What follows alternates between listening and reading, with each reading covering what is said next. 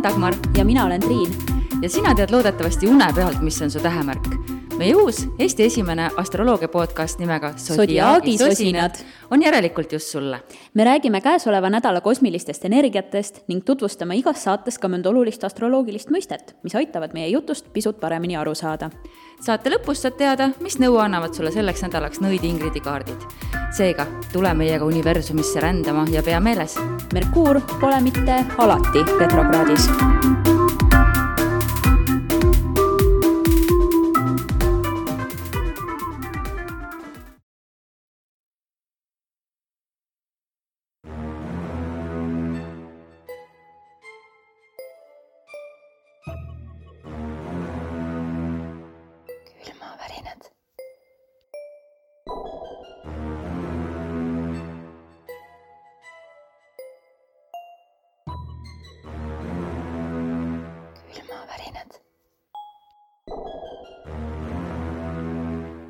tere, head külmavärinate kuulajad, mina olen Dagmar ja mina olen Heidi ja ma näen seekord Dagmarit jälle samal ajal, kui me räägime, mis on üliäge. jee, jee, praegu mul tuli meelde, et äh, minu töölaua peal on sulle ju ka väikene kingitus. ära siis enne ära mine ilma selleta. ei, ma ei lähe mitte kuskile. ma tahan öelda veel ka seda, et äh, eile, kui ma, ma käisin eile esinemas, rääkisin podcast idest Tallinna noortele ja täpselt enne seda, kui mul hakkas see üritus, sain ma ühe kirja, kus mind kutsuti veel esinema samal teemal. ja siis ma mõtlesin õhtul ja ma olin eelmine päev ka saanud mingi kutse ühele konverentsile või mingile asjale ja siis mõtlesin täitsa pekkis, et kust nad praegu hakkasid tulema ja huvitav küll, kus nad hakkasid tulema, kui ma esiteks kuu loomise ajal ja nüüd ka pööripäeval ei teinud muud, kui ainult rahaloitse paremale ja vasakule.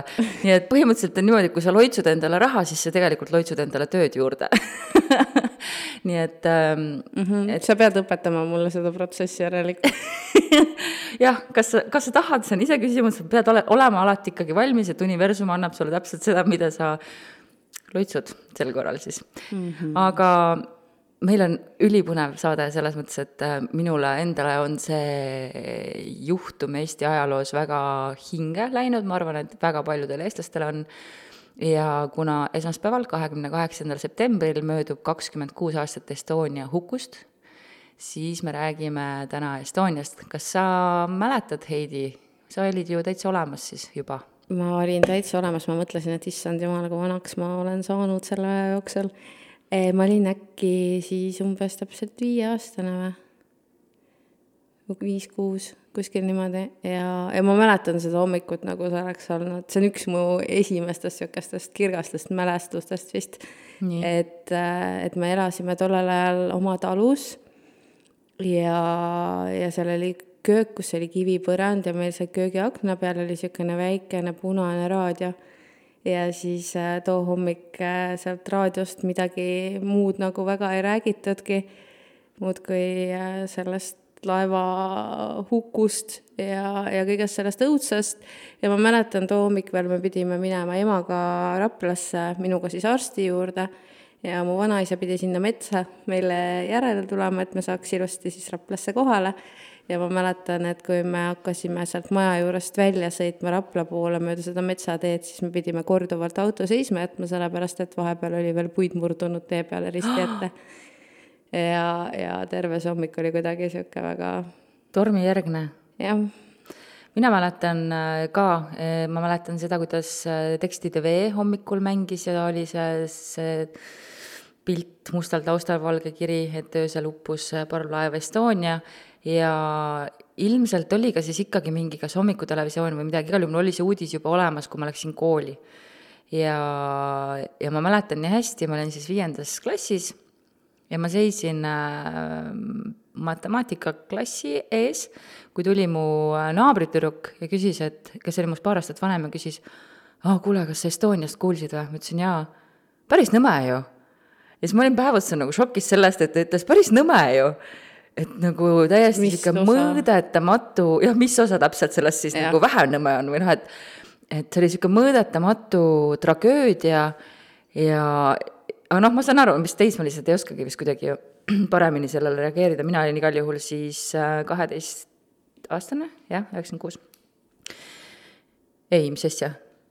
üheksakümmend neli, ma olin kümneaastane mõtlesin, et sa ei ole vist nii olen? palju vanem nagu aga ma tahan alustada meie saadet äh, hoopiski looga aastast kaheksakümmend seitse, sellepärast et enne, kui äh, Estoniast sai Estonia, oli selle nimi Viiking Sally ja ma räägin loo Viiking Sally lahendamata mõrvast. see kõlab täpselt midagi mulle, vana viikingi fanatt.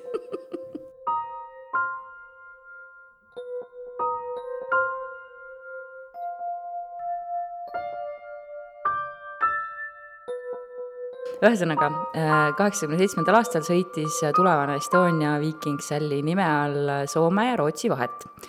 ja ühed Lääne-Saksamaa noored nimega Klaus Schelkle ja Bettina Taksis, Klaus oli kakskümmend ja Bettina oli kakskümmend kaks, Nemad olid siis kohtunud aastakese varem, armunud ja tudengitele omaselt, toona oli hästi populaarne niisugune asi, et sa võtsid äh, rongipileti ja sõitsid läbi Euroopa ja nemad olid otsustanud siis sõita Saksamaalt äh, Stockholmi, sealt nad võtsid siis praami, et sõita Turusse ja siis äh, minna üles Soome, Lapimaale ja siis tagasi tulla Norra kaudu Saksamaale, Norra ranniku kaudu. ja nendega oli kaasas kolmas sõber, Toomas Schmidt. ja Schmidt ja Klaus olid omavahel väga head sõbrad, olid koos jalgpallitrennis käinud ja siis äh, õppisid koos mehaanikat, ühesõnaga niisugused tavalised toredad noored inimesed. aga raha neil eriti ei olnud, mistõttu siis nad ei olnud võtnud endale sinna kajutit.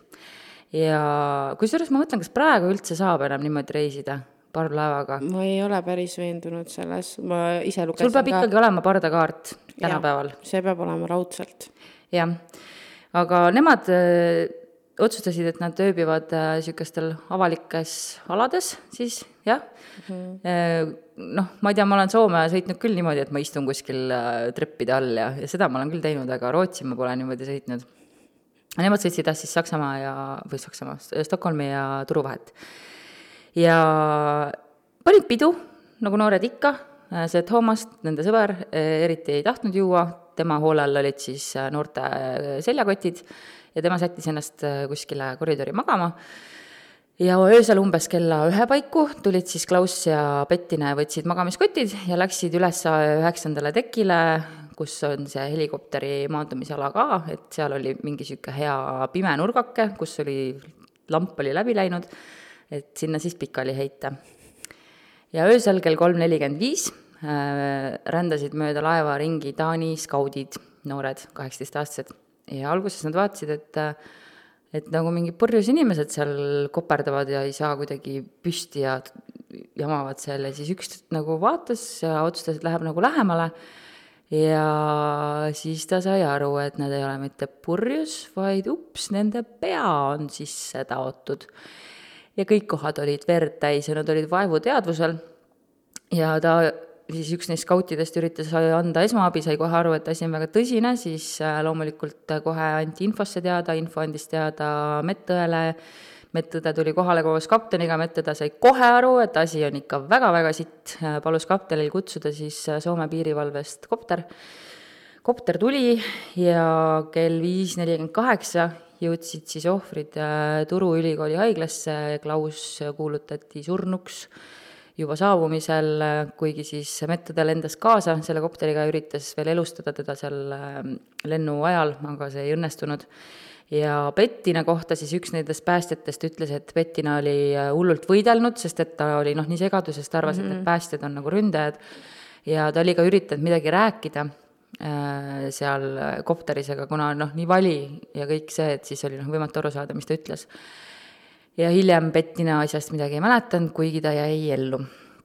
ja politsei siis lendas sellesama kopteriga, mis, millega nad haiglasse viidi, lendas tagasi laevale ja hakkas seal seda sündmuspaika üle vaatama äh,. alguses neil oli väga niisugune grandioosne plaan, et nad äh, võtavad videointervjuud kõikidelt reisijatelt, aga kuna reisijaid oli tuhat nelisada, siis see plaan nagu kiirelt kukkus läbi ja nad vist üritasid teha võimalikult palju fotosid nendest inimestest, kes laeva peal olid, siis nad hakkasid välistama seal perekondasid ja vanainimesi. Aga oli kaheksakümne seitsmes aasta ja polnud turupolitseis väga palju politseinikke, kes räägiksid üldse inglise keelt. Ja DNA oli ka üldse sellises äh, lapse kingades veel, et äh, nad leidsid ühe kahtlusaluse, mm, ühe Briti noormehe, kellega need Klaus ja Bettina olid nagu pidutsenud koos ja tal olid riided verised. aga see tüüp väitis, et äh, ta oli, endal oli ninast veri jooksnud ja siis tehti mingi analüüs, mis põhimõtteliselt toona oli sellises faasis, et nad võisid vaid öelda, et noh, et veretüüp kattus ja kas see on looma või inimese veri mm. -hmm ja kuna veregrupp oli vist selle Briti noormehe oma, siis äh, lasti ta vabaks, muidugi ka see nende sõber, see Toomas Schmidt võeti äh, kohe, kutsuti vestlema, aga ka tema väga kiiresti kahtlusaluste hulgast vabastati ja ja see juhtum soikus päris pikaks ajaks, äh, leiti sama aasta augustis, see asi kõik toimus juulis, kaheksakümmend seitse ja samast augustis äh, leidsid äh, praamitee lähedalt mingi kakssada meetrit eemal mingilt laiult äh, kalamehed kotiriietega. Ja alguses nad arvasid, et äh, okei okay,, las ta siis olla siin, tulid aasta pärast tagasi ja see kott oli ikka veel seal ja siis nad teatasid asjast politsei, politseisse äh,. sealt kotist leiti kinnas, millel oli äh, tsit-, mitte tsitaat äh,, mis see on siis äh,, eesnimetähed või? Äh, initsiaal. initsiaal, just. HK ja üldse nagu arvati, et see kott ikkagi pärineski siis tõesti Viiking Salli pardalt. Äh, siis veel oli kaks kahtlusaluse sketši, mida avaldati äh, meedias, mõlemat meest kutsuti mütsimeheks, sest et neil mõlemal olid kummalised mütsid peas. Üks mütsimeestest saadi Lääne-Saksamaal mingil hetkel ikkagi lõpuks leiti ülesse ja tema välistati kahtlusaluste seast, teine mütsimees, tema kirjeldus oli selline, et äh, ta rääkis omaette inglise keeles, tal oli mingi omakootud kampsun seljas, peas villane tume või roheline müts ja üldse oli niisugune nagu natuke mm, räpakas ja niisugune kahtlane ja teda nagu kätte ei saadudki. ja probleem oli veel ka see, et äh, toona puudusid täielikud reisijate nimekirjad mm. -hmm. ehk siis seal oli ilmselt väga palju inimesi, keda üldse nagu ei teatud, ametlikult üheksast äh, riigist. Ja videomaterjali ka ei olnud, pealtnägijaid ei olnud. Ja, ja nõnda siis äh, kolmkümmend kolm aastat oli, kuni sellel aastal teatas Soome politsei, et neil lõpuks on kahtlusalune teada. Ja kaks nädalat tagasi, üheteistkümnendal septembril, andsid nad juhtumi prokuratuurile üle ja ütlesid, et meil on juhtum lahendatud. aga kogu selle asja teeb hästi kurioosseks see, et äh, esiteks nad ei ole avaldanud, kes on see kahtlusalune, kedagi pole vahi alla võetud mm. -hmm. Nad on öelnud vaid, et see inimene on elus ja et ta ei tundnud neid noori. ta, nad ei ole öelnud ei sugu, ei rahvust, ei vanust, ei midagi ja pole ka öelnud, miks teda pole vahi alla võetud. ja praegu on siis see juhtum prokuratuuris, ehk siis prokurör vaatab materjali üle ja otsustab, kas tegemist on tapmise või mõrvaga. ja kui tegemist on tapmisega, siis see inimene lihtsalt äh, pääsebki karistuseta, sellepärast et äh, Soomes aegub kuritegu kahekümne aastaga. kui on mõrv, siis on see kõige vanem mõrv, mis üldse, või kõige vanem lahendamata mõrv, mis peaks kohtusse jõudma Soomes mm. -hmm. nii et äh, eks meil siin tulevad nüüd päris põnevad kuud nii et ma ootan suure huviga selle asja äh, lahenemist, aga huvitav on selle juures veel see, et see polnud mitte esimene mõrv. aasta varem oli ka nalja Estonia pardal või tulevase Estonia pardal toimunud mõrv. ma mõtlen, et ma sellest tüübist, kes, kes kaheksakümne kuuendal aastal mõrvas, ma teen ilmselt kunagi, kas ma teen külmavärinates saate või, või noh, külmavärinate saates sellest temast loo või ma kirjutan temast, igal juhul see oli ka päris pöörane, et äh, aga see Estonia mõrv siis aasta varem oli selline, et, et see tüüp pussitas äh, viis korda kaela ja siis kägistas äh, mingit ärimeest, kellelt ta oli raha varastanud, kajutis siis. nii et äh, okay. aga tema läks sellest kinni ja, ja ta istub ka praegu kinni aga see lugu pole niivõrd lihtne. aga see on juba teine lugu. nii et ühesõnaga, Estonia oli juba enne verega kaetud mm. -hmm. mis on, mis teeb asja veelgi creepy maks nagu. Why? ma küsin. kusjuures ma ja kogu selle mõrva teeb minu jaoks hästi kriipiks ka see, et ma olen ise reisinud niimoodi, ma olen maganud lennujaamades jumala mm -hmm. palju, ma tean, ma magasin eelmine suvi veel viimati kakskümmend neli tundi lennujaamas, mul oli kakskümmend neli tundi vahet kahel lennul. ja noh, sa kuidagi, sa pead esiteks usaldama universumit, sul ei ole muul viisil võimalik reisida niimoodi, kui sa tahad niimoodi reisida. Ja, ja sul tekibki niisugune mingi huvitav nagu turvatunne, et sa eeldad, et inimesed ei tule võtma su asju või et nad ei löö sind pähe kurikaga, kui sa oled lennujaamas kuskil pinkide all ja öösel kell on kolm, ükski lennuk enam ei lähe või ei tule aga sa, et sa jääd ellu või noh, ühesõnaga kuidagi nagu ja laevad samamoodi ju, laeval ma tunnen ennast hullult turvaliselt alati, sest see tundub niisugune, ta on niisugune kinnine asutus. Et kui midagi juhtubki, siis keegi ei saa ju põgeneda sealt vot see ongi laevade kõige suurem probleem minu jaoks. et see on kinnine asutus või? et see kinnine asutus ja kui ma tahan sealt ära saada, siis ma lihtsalt ei saa. me just äh, lugupeetud härra peaaegu kaasaga üks päev arutasime seda teemat, et oh, võiks minna kuskile kui võimalus tekib lõpuks nagu ja võib, lubatakse, et nii, nüüd minge reisige lolliks ennast, et siis võiks minna, et meil on siiamaani kahekesi tegemata Rootsi kruiis aga sellega on see suur mure, et ma väga ei kipu sinna laeva peale eriti pärast seda lugu?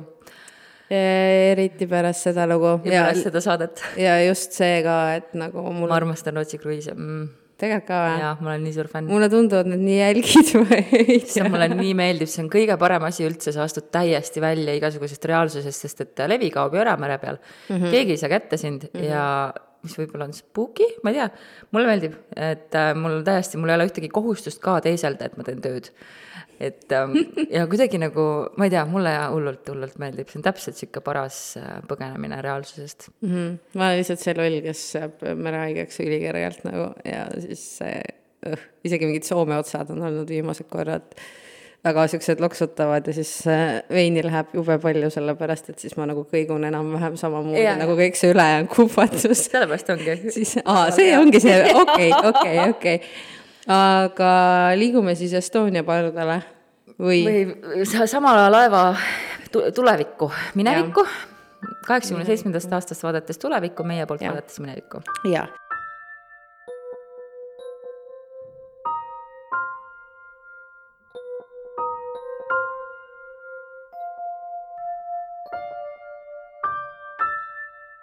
ja selle loo mina võtsin nüüd sellepärast, see on üks küll tuntuimaid vist story si selle laeva pealt, aga ma võtsin selle sellepärast, et äh, mina mäletan, kuidas lapsepõlves mu ema rääkis mulle pidevalt kahest äh, tüdrukust, kahest õest, kes äh, läksid Estonia peale, kes väidetavalt olid meie tuttavad ja kuidas nad oleks napilt jäänud laevast maha oh õudu, on ju.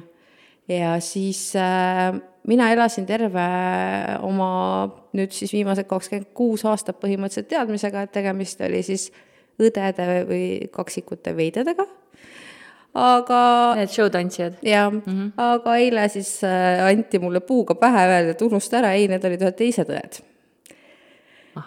nii et äh, jah nende õdede kohta, kelle kohta mina siis toona kuulsin, ma väga palju juurde ei tea rääkida, sest et mu ema ei osanud absoluutselt rohkem infot mulle anda selle kohta peale selle. et nimed olid teised? et äh, nimi oli teine, nad olid hakanud, äh, üks neist oli hakanud Kohilast sõitma isaga siis Tallinnasse, et laeva peale tulla, teine õdedest elas juba Tallinnas, ootas neid sadamas mm. -hmm. ja, ja see õde, kes siis Kohilast liikus Tallinna poole, oleks nagu ülinapilt laevast maha jäänud see on kogu info, mis mul selle kohta oli. seega võtan ette õed veided. õed veided, kes siis äh, pidid esinema seal Estonia pardal sellise tantsutropiga nagu Pantera, mis on ka ülihea bändi nimi, aga aga nende nimed siis olid Hanka, Hannika ja Hanneli, mis on üliilusad nimed ja nagu teada, siis Estonia kapten Avo Piht, tema jäljed kadusid kaks päeva pärast äh, seda, kui ta oli tema päästmisest teatatud ja täpselt sama juhtus siis ka nende õdedega. et äh, algselt olid pääsenute nimekirjas Anne Veide ja küsimärk Veide. Anne oli Hanneli kodune nimi ning äh, vanemate arvates võis tüdruk äh, šokiseisundis siis öelda selle enda hüüdnime mm. -hmm. ja sama päeva õhtuks olid nimekirjades juba Hanka Annika ja Anneli Veide, nii et vanemad olid õnnelikud selles mõttes, et mul on praegu juba külmavärinad, sest et see on nii, vot see on üks kriipimaid asju kogu selle Estonia huku juures, et jah, seal on hästi palju vandenõuteooriaid, mis seal juhtus ja ma olen neid uurinud hästi palju mm. -hmm. Aga just see, et kuidas need nimed satuvad. ma ja nii täpselt veel, on ju, ja, ja need ei ole mingid siuksed tavalised nimed, et Malle Pärn, on ju. ei ole, ei ole, vot just igal juhul äh, Saksamaa Spiegel televisioonile rääkis laeva turvateenistuse ülem, et äh, tunnistajate ütluste kohaselt nähti tüdrukuid enne laeva põhjaminekut tekil. Sealt hüppasid nad päästeparve, kus oli juba peamehaanik Lembit Leiger ning äh, seni päästeveste jaganud kapten Piht jõudis samale parvele ilmselt viimasena. ehk siis väidetavalt nad kõik said parve peale mm. -hmm. on ju, pealtnägija sõnul. nii, ja siis kaksikõdede vanematele ütles Stockholmi kliiniku vanemõde, et tüdrukud toodi nende haiglasse. Taaskord nagu what? What mm? -hmm kahekümne üheksandal septembril teatasid Rootsi politsei ja Eesti siseministeerium, et tüdrukud elavad. esimesel oktoobril kinnitas seda ka Rootsi Punane Rist. neljandal oktoobril kuuldi äh, Äh, sama haiglast ja kuuendal oktoobril kinnitas pääsemist taas Rootsi Punane Rist. pärast seda ei ole tüdrukute saatusest aga enam mitte midagi teada. Ma. nii palju külmaharinaid. ma nagu lihtsalt ei saa aru, kas sa saad kogu aeg, neid päevi järjest kinnitusi, et kõik on okei okay, ja siis lihtsalt, ja, ja siis lihtsalt ühel hetkel ei tea enam mitte midagi mitte keegi. Pole näinud, pole kuulnud kas tunnistajaid ei ole rohkem, kes ütleks, et nad on õdesid näinud haiglas või kuskil? Ei ole mm. -mm. aga nüüd läheb asi veel kriipimaks okay. minu meelest. nimelt äh, õdede-veidede vanemad on väitnud, et üheksakümne kuuenda aasta septembris heline, helises nende kodus telefon ning äh, seal oli öeldud, see olen mina, Hanneli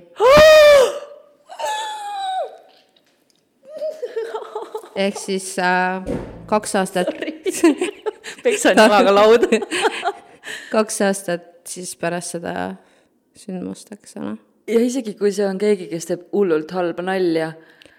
ema sõnul oli tegemist ikkagi tema tütre häälega. see on ka niisugune küsitav asi selles mõttes, et eks sa ikka loodad, on ju, ja ja võib-olla noh, samas jälle ema ja lapse niisugune side ja värk oh,, ma ei tea ma ei tea. või siis ta tuli teispoolsusest mm. -hmm. see kõne miks sa teed nii oh.? igal juhul katastroofi järgsetel öödel helises õdede ema Aino Veide sõnul korduvalt telefon, kuid mitte keegi ei rääkinud, kui vastu võeti mm. -hmm. palun ei ja ema on, ütleb, et äh, me oleme veendunud, et tütred elavad, peetagu meid hulludeks või mitte. Ja isa ehitas mõned aastad tagasi alles äh, kõrgema tantsuharidusega tütardele uude majja proovisaali. mis on üliarmas. mõlemad on veendunud, et lõplikku selgust nende jaoks ei ole, eks ole nojah. Estonia hukust ning sellega seonduvast äh, tuleb aga rääkida nii põhjalikult kui võimalik sellest rääkimine annab bumerangi efekti, mis midagi ikka ju välja selgitab, arvab siis Ülo Veide, nende tüdrukute isa. Ja tema ütleb, et tema igasuguseid ähvardusi ei karda ja hirmu Estonia katastroofist rääkimisel on Veide taga palju näinud hmm.. siin tuleb jälle see igasugune gemüüse, igasuguste vandenõuteooriate mm -hmm, miks mm, -hmm. eks ju ja siis isa kurdab loomulikult selle üle, et tema ei saa üldse aru, miks see vrakk siis äh, tuleb katta betooni ja kruusaga, nagu see oleks mingi tuumareaktor. Ja et kellegi kuldhammaste pärast seda ju teha ei tasu. ja et tema on ikkagi veendunud, et õnnetuse juures oli äh, tegu suure äri ja riikidevahelise poliitikaga. vot jah, kui me läheksime nende vandenõuteooriate sisse, siis meil oleks vaja täitsa eraldi sinna. podcast teha. kusjuures, aga kui te kuulate ja te olete mõelnud, millest teha podcast'e, teid Estonia huvitab, siis palun väga, tehke sari ainult Estoniast, see oleks ülipõnev jep, aga need vanemad, noh, mida ikka tehakse, mida teevad mõned inimesed ka lihtsalt niisama vahepeal, suures mures pöördusid sensitiivide poole. Ja nad siis võtsid ette sensitiive Lätist, Eestist, Suurbritanniast ja kõik väidavad neile, et tüdrukud on elus, sest et varjude maailmast nemad need, neid näinud ei ole mm. -hmm. ja sensitiivide soovitus neile oli see, et kui telefonile helisema peaks, siis äh, rääkige nendega, rääkige, mis te teete, kuidas teil läheb. ja ükskord, kui telefon helises äh,, istus äh, tüdrukute see tantsutruppi kaaslane Estonialt pääsenud Marge Rull seal nende van-, tüdrukute vanemate juures. Telefon helises ja jälle oli toru otsas vaip-, vaikus. ja siis ütles Marge, et ütle neile, et mina olen ka siin. Ja istusime seal nagu kaks hullu, kes räägivad tühjusega, nagu oleks see kõige loomulikum asi üldse, meenutas siis Aino, nende tüdrukute ema. mul on nii palju külmavärineid praegu oh issand jumal, see ikka jaa, okei okay,, see veel on üks asi, et äh, nimekirjad äh,, kahtlased teemad nimekirjadega, nagu ka see Aavo Pihti juhtum, eks ole, kus mm -hmm. inimest on väidetavalt ka nähtud telepildis ja siis müstilisel kombel ei ole enam seda lintigi sellest äh, järel, aga see, need kõned. seda, seda nagu ei seleta väga miski Nad ei muuda muidugi ka oma numbrit tõenäoliselt. Nad nüüd äh, aja, selle aja jooksul ma tean, et nad kolisid ära sellest vanast elukohast. numbriga saab ju kolida koos. aga minu teada, nagu ma aru sain vähemalt, siis neil ei ole enam see number, mis, mis tollel ajal oli. okei okay., ja kui siis ikka telefon heliseb, siis on ikkagi variant, et see kõne tuleb teispoolsusest mm. -hmm. ja kui nad võtsid numbri kaasa, siis isegi kui see on prank call, siis see inimene ju teab ikka seda numbrit hoolimata. no kui see peaks olema prank, siis see inimene, kes seda teeb, see on ikka laus rumal. õel ja tundetu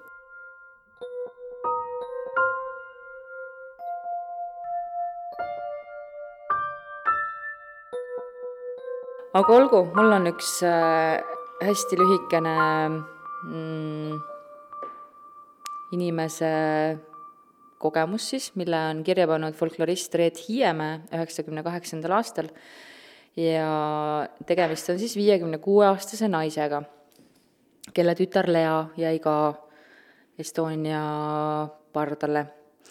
ja tema siis rääkis niimoodi, kuu aega enne Estonia hukku pesin ükskord lauda ees piimanõusid ja äkki kuulen, et ema hüüab, leida, leida. vaatasin ruttu välja, aga mitte midagi ema on mul ammu surnud ja küll ma siis mõtlesin, et mida ema mulle öelda tahtis. eks ta siis seda tahtiski nii, ja, ja see on, ühesõnaga, see on nii segaselt kirja pandud, kuna folkloristid panevad seda kirja niimoodi, nagu inimene räägib ja neil on seal kontekst, aga siis minu jaoks on see kontekstist välja võetud. ja siis ta räägib sellist, et ta on küsinud sensitiivi käest, et mi-, mis siis ema võis nagu tahta, aga tema ka ei teadnud ja, ja ühesõnaga ma saan aru, et abikaasa läks Tallinna sel hommikul, kui Estonia põhja läks. ja see Leida siis läks küünist heinu võtma ja ta ütleb, mulle tuli niisugune hirm ja põlved värisesid ja terve päev oli selline pinge, et ei saanud üldse olla. ja siis õhtul sai paar pitsi konjakit võetud, siis läks paremaks. siis läheb ikka paremaks, jah. Äh, muidugi olin ma laudalakka kartnud, see on nagu mingite jõudude paik aga pärast Estoniat ma enam ei karda, et küll siis nüüd leida, Lea käib ka kodus, tema ju ka, teda ma ju ei karda. aga samas on mitu sensitiivi tallegi öelnud, et Lea on kusagil elus. ja siis on veel viimane tema niisugune asi, mis sellega seotud, ja ükskord oligi, ma olin sauna ees, pesin pesu, kuulen emme, kuulen uuesti kaks korda veel, siis enam ei hüüdnud, aga ma teadsin, Lea hüüdis mind. See on ju minu ema kodu, ta hirmsasti hoidis seda, selle, siis sellepärast vast tuligi mm nii et ühesõnaga ma saan aru, et kuigi sensitiivid on öelnud sellele Leidale, et tema tütar Lea on äh, elus kusagil, siis ta ise kuuleb teda vahepeal hüüdmas mm. -mm. ma, ma keeldun ka varsti meie tegemistest niimoodi sul oli veel vist ka midagi lühikest?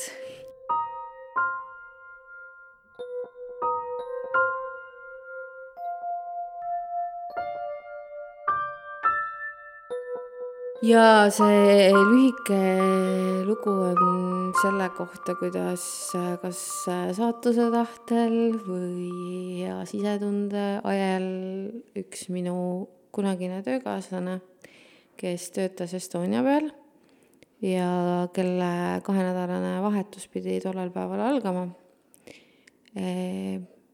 laeva peale siiski ei läinud see õhtu.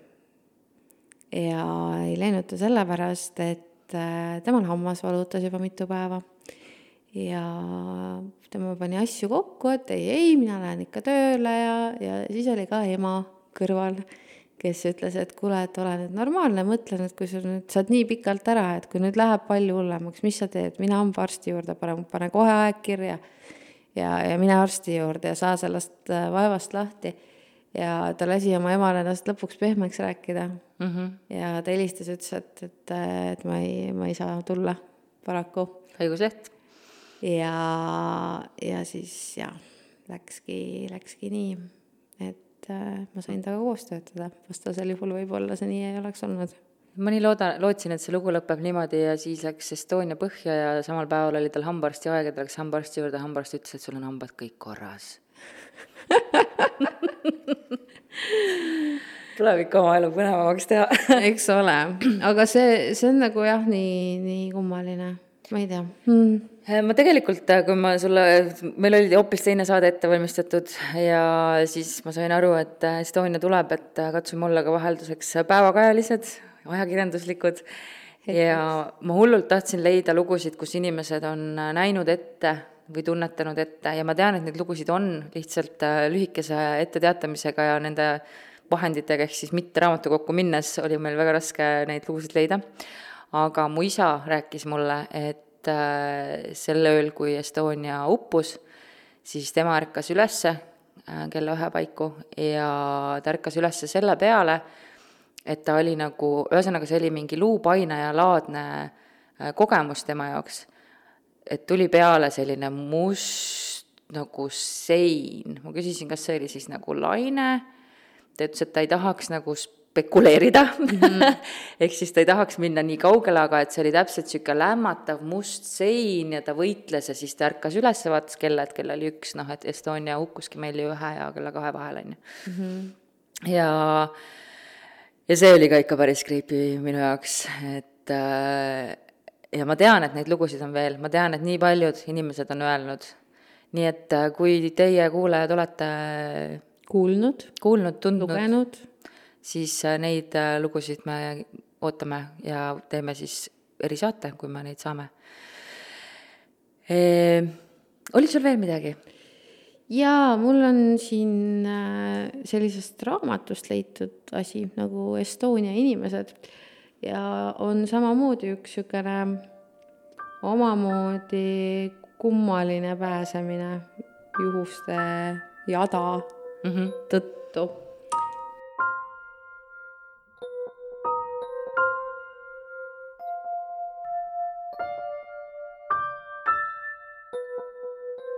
ja lugu siis järgmine. Eh, Paul Lõiv tahtis üheksakümne neljanda aasta kahekümne seitsmenda septembri õhtul Estonia laevaga koos kahe sõbra ja ühe sõbra naisega Rootsi tuttavatele külla sõita Nad tulid Tartust kaks tundi varem sadamasse, et esimeste seas oma Volkswagen Golfiga laevale saada detailne. üheksakümnendad, see on nii oluline, et sul oli golf. jaa. toll vaatas paberid üle ja nad sõitsid laevatrapist üles. Seal aga ütles üks mees, et autoga on probleem ja nad peavad maale tagasi minema. seltskond sõitis tagasi maale ja tolliametnik ütles, et see on firma auto, aga juhil pole auto juhtimiseks volitust tollal pidi olema kaasas kirjalik volitus, kui auto polnud juhi enda oma. kogu ülejäänud aja laeva väljumiseni seisis nelik järjekorra kõrval ja üritas ennast igatpidi siis laeva peale rääkida. Nad palusid firma juhatuse liikmel helistada, et see on tema firma auto ja ta lubab autoga sõita, aga see ei aidanud seltskond pakkus tollimehele asja korraldamise eest ka sada dollarit, aga too ei võtnud vastu. kurat see oli tollal väga suur raha ja komme ise nii tavapärane, et ei pannud ametnikku altkäemaksu pakkumise kohta politseisse teatama. veel pakkusid reisijad võimalust, äh, et juhatuse liige kirjutab kohe volituse selgus, et volitus peab olema notariaalselt vormistatud ja notari juurde poleks õhtul enam pääsenud. uskumatu jama ikka oli toona, aga on ju? tolliametnik ütles, et see on elu ja surma küsimus ja tema meid laeva lasta ei saa. tagantjärele kõlab see muidugi fataalselt mm. -hmm. siis mõtles seltskond välja võimaluse, et Paul koos ühe sõbraga sõidab Stockholmi ilma autota, teine sõber aga vormistab järgmisel päeval volituse ning sõidab koos naisega meil, meile järele. Ahah, väga huvitav Äh, nad läksid äh, oma pileteid ringi vormistada, vormistama, aga kassas öeldi, et sel juhul lähevad kahe maale jäänud reisija piletid raisku. kui aga sel päeval keegi ei sõida, saavad nad piletid ringi vahetada ja kahe päeva pärast kõik koos minna. nii langes ka kahekesi sõiduvariant ära, sest rahast oli kahju. vot, see võib ka mõnikord mm -hmm. rolli mängida. elu päästa kui oli täiesti selge, et laeva peale ei pääse, jalutasin laevatrepist üles ja nägin seal tiiru tegin seal tiiru, sorry, ma ei oska lugeda enam aga tiir on lind, kes võis ka olla seal, nii et ta võis ka tiiru näha. näha, okei. kohtasin päris palju Tartu tuttavaid ja rääkisin nendega, keegi neist õnnetusest eluga ei pääsenud. Kogu selle aja, kuni viimane auto laeva sõitis, seisis nelik laeva nina kõrval ja nägi kõiki, kes laeva sõitsid. see oli täiesti tavaline laeva väljumise päev, hiljem oli ikka naljakas ajakirjandusest jälle ja jälle lugeda, et mingist viimasel hetkel kahe veokiga tulnud erisaadetisest ja vilkuritega sõjaväekonvoist, mis autosid saatis, midagi sellist ju polnud, noh jah, kes teab. aga sama jutt kordus aastaid ka Estonia hukust kirjutatud raamatutes. ja tema ei näinud midagi? tema ei näinud mitte midagi. Tol õhtul, kui Estonia oma viimasele reisile läks, sõitis Pauli seltskond tagasi Tartusse. ta oli laevast mahajäämisest nördinud, hakkas pidutsema ja jõudis koju hilja öösel varahommikul pärast kella kuut ajas ema mind üles, ütles, Estonia läks põhja. olin väga unine ja see ei jõudnud mulle kohale. mõtlesin sel hetkel, et siis ma ei saa kahe päeva pärast Rootsi sõita ja jäin uuesti magama. Kui tunde mm -hmm. hiljem üles ärkasin, hakkasin aru saama, kui suur õnnetus juhtunud on, aga tragöödia kogu ulatusest ma veel aru ei saanud igal juhul nemad siis jah, läksid ikkagi kaks päeva hiljem ilusti Rootsi, nii nagu plaanitud oli. aga mis veel siin äh, juhtus, oli see, et äh, tema nimi sattus ka sinna nimekirjadesse. et kuna tal oli Estoniale pilet ja kuna ta läks tollist läbi, siis see nimi seal oli. ja üle nädala oli ta kord päästetute, kord teadmata kadunute ehk oletata, oletatavate hukkunute nimekirjas ja õnneks ei elanud hingelist tragöödiat läbi tema vanemad, sest nad nägid ju poega õnnetusööl kodus. aga ta helistas siis meedias levitatud telefoninumbrile, palus oma nime Estonia reisijate nimekirjast ära võtta. Aga kahekümne üheksanda septembri lõunani oli ta ikkagi seal nimekirjas ja sama päeva õhtul kadus päästetute nimekirjast. ehk et äh, paljude Tartu tuttavate jaoks ta siis sai surma seal ja ma siin pikemalt väga ei venita selle looga, aga tema isa oli rääkinud, et käis tänaval ja inimesed suhtusid tasse, tuttavad, kuidagi veidralt, et nad ei osanud nagu midagi öelda või teha ja siis nad arvasid, et tema poeg on surnud mm.. vot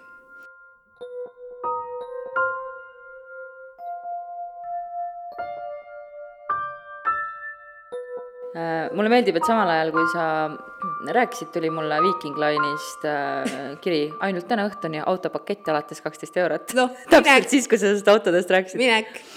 aga ma kirjutasin hästi pika loo reede õhtul, see Sõbranna veebis on Urmas Alenderist, sest ma tahtsin kirjutada tegelikult Urmas Ale- ja rääkida külmavärinatest Urmas Alenderi viimastest minutitest, aga see lugu paisus ja kuna meil aeg hakkab otsa saama, siis äh, ma juhatan teid äh, lahkesti sõbranna veebi lugema tema viimase eluaasta kohta. jagame ka kindlasti ja, ja ta on äh, lihtsalt, Urmas Olender on noh, ta on imeline muusik ju olnud ometigi ja tema muusika läheb mulle kohutavalt hinge ja, ja iga kord, kui ma ikkagi kuulan Rujat või, või üldse Olenderi loomingut, siis see on külmavärinaid tekitav heas mõttes. aga tema viimane eluaasta, ta oli selleks ajaks kolinud Rootsi ja ta oli neljakümneaastane, talle oli ammu ennustatud väidetavalt, et tema neljakümnendat eluaastat üldse ei näe.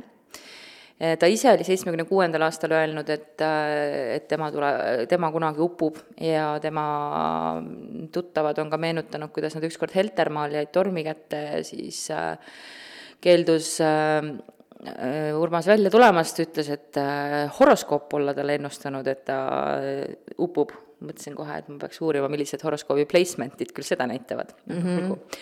et millises majas peab olema mingi veemärk. aga äh, ta oli siis äh, kevadel veel leinas äh, lahkuminekut oma abikaasast Helje Kaskelist. Helje Kaskelist sai hiljem väga suur Estonial hukkunute eest, mälestuste eest võitleja ja üldse selle uurimise tagant pushija aga nad olid Heljaga lahku läinud ja Urmas oli leidnud endale uue üheksateistaastase bruta, nimega wow. Susanne Anneli, kes oli tema tütrest Yokost vaid neli aastat vanem. ja ta oli kihlunud augustikuus selle Susannega ja ja nad olid kihlunud äh,, augustis ta andis teada, nad kevadel kihlunud äh, ka ühe laeva peal, kus siis äh, trubaduurina Urmas äh, sõitis ja esines. ja siis saatuslikul ööl seda ilmselt väga paljud teavad, aga mis seal ikka, räägime uuesti, kakskümmend seitse äh, september, siis hommikul hakkas laev ju tulema Rootsi poolt, ei. Eestist hakkas minema. Eestist ta läks õhtul. aa ah,, jah mm -hmm.. ehk siis enne seda, kui ta jõudis äh,, see oli siis päev varem, ta sõidab ju kümme tundi või? issand, ma ei tea, ma ei ole ju käinud. ta läheb õhtul kell seitse välja ja ta jõuab hommikul kell kümme, ehk siis kui ta tuleb kell kümme hommikul teiselt poolt siis, siis ikkagi on öö vahel, ühesõnaga, siis kui ta läks laevale, ta läks Rootsi poolt laevale. ehk siis ta läks ikkagi poolteist päeva varem, jah. et äh, Susanne siis äh, meenutas, et ta aitas tal pakkida ja, ja et äh, Urmas oli kuidagi väga kurb olnud ja ta oli saatnud ta rongile ja siis veel mõelnud, et nii imelik, et niisuguse, noh, oli üritanud teda lohutada, et see on ju ainult väike reis, et et esimene tsükkel algas tal ka kahenädalane, see oli tema esimene kord üldse Estonia laeval. ja siis viimane asi, mis Susannale meelde jäi, oligi siis ta pani mehe rongile, et siis kurbus täis silmast, silmad temale kleebituna. ja, ja veel siis kaheksakümne teisel aastal oli lindistatud telesaade, kus Olav Ehala küsis Alendri käest naljatlemisi, kuidas vee all siis on kah Alender kehitas rõõmsalt õlgu, väga hea on olla, kalad ujuda, ujuvad, laulda ei saa, suu on vett täis. ja eeldatavalt siis oli äh, kahekümne kaheksa, seitsme, kahekümne kaheksanda septembri ööseks ta oma esinemised ära esinenud, sest et äh, trubatuurid lõpetavad seal Südaöö kandis äh,. Pealtnägijate sõnul ta kella ühe paiku öösel oli purjus olnud, hästi paljud äh, inimesed olid roninud korstna otsa, seal oli kalender olnud.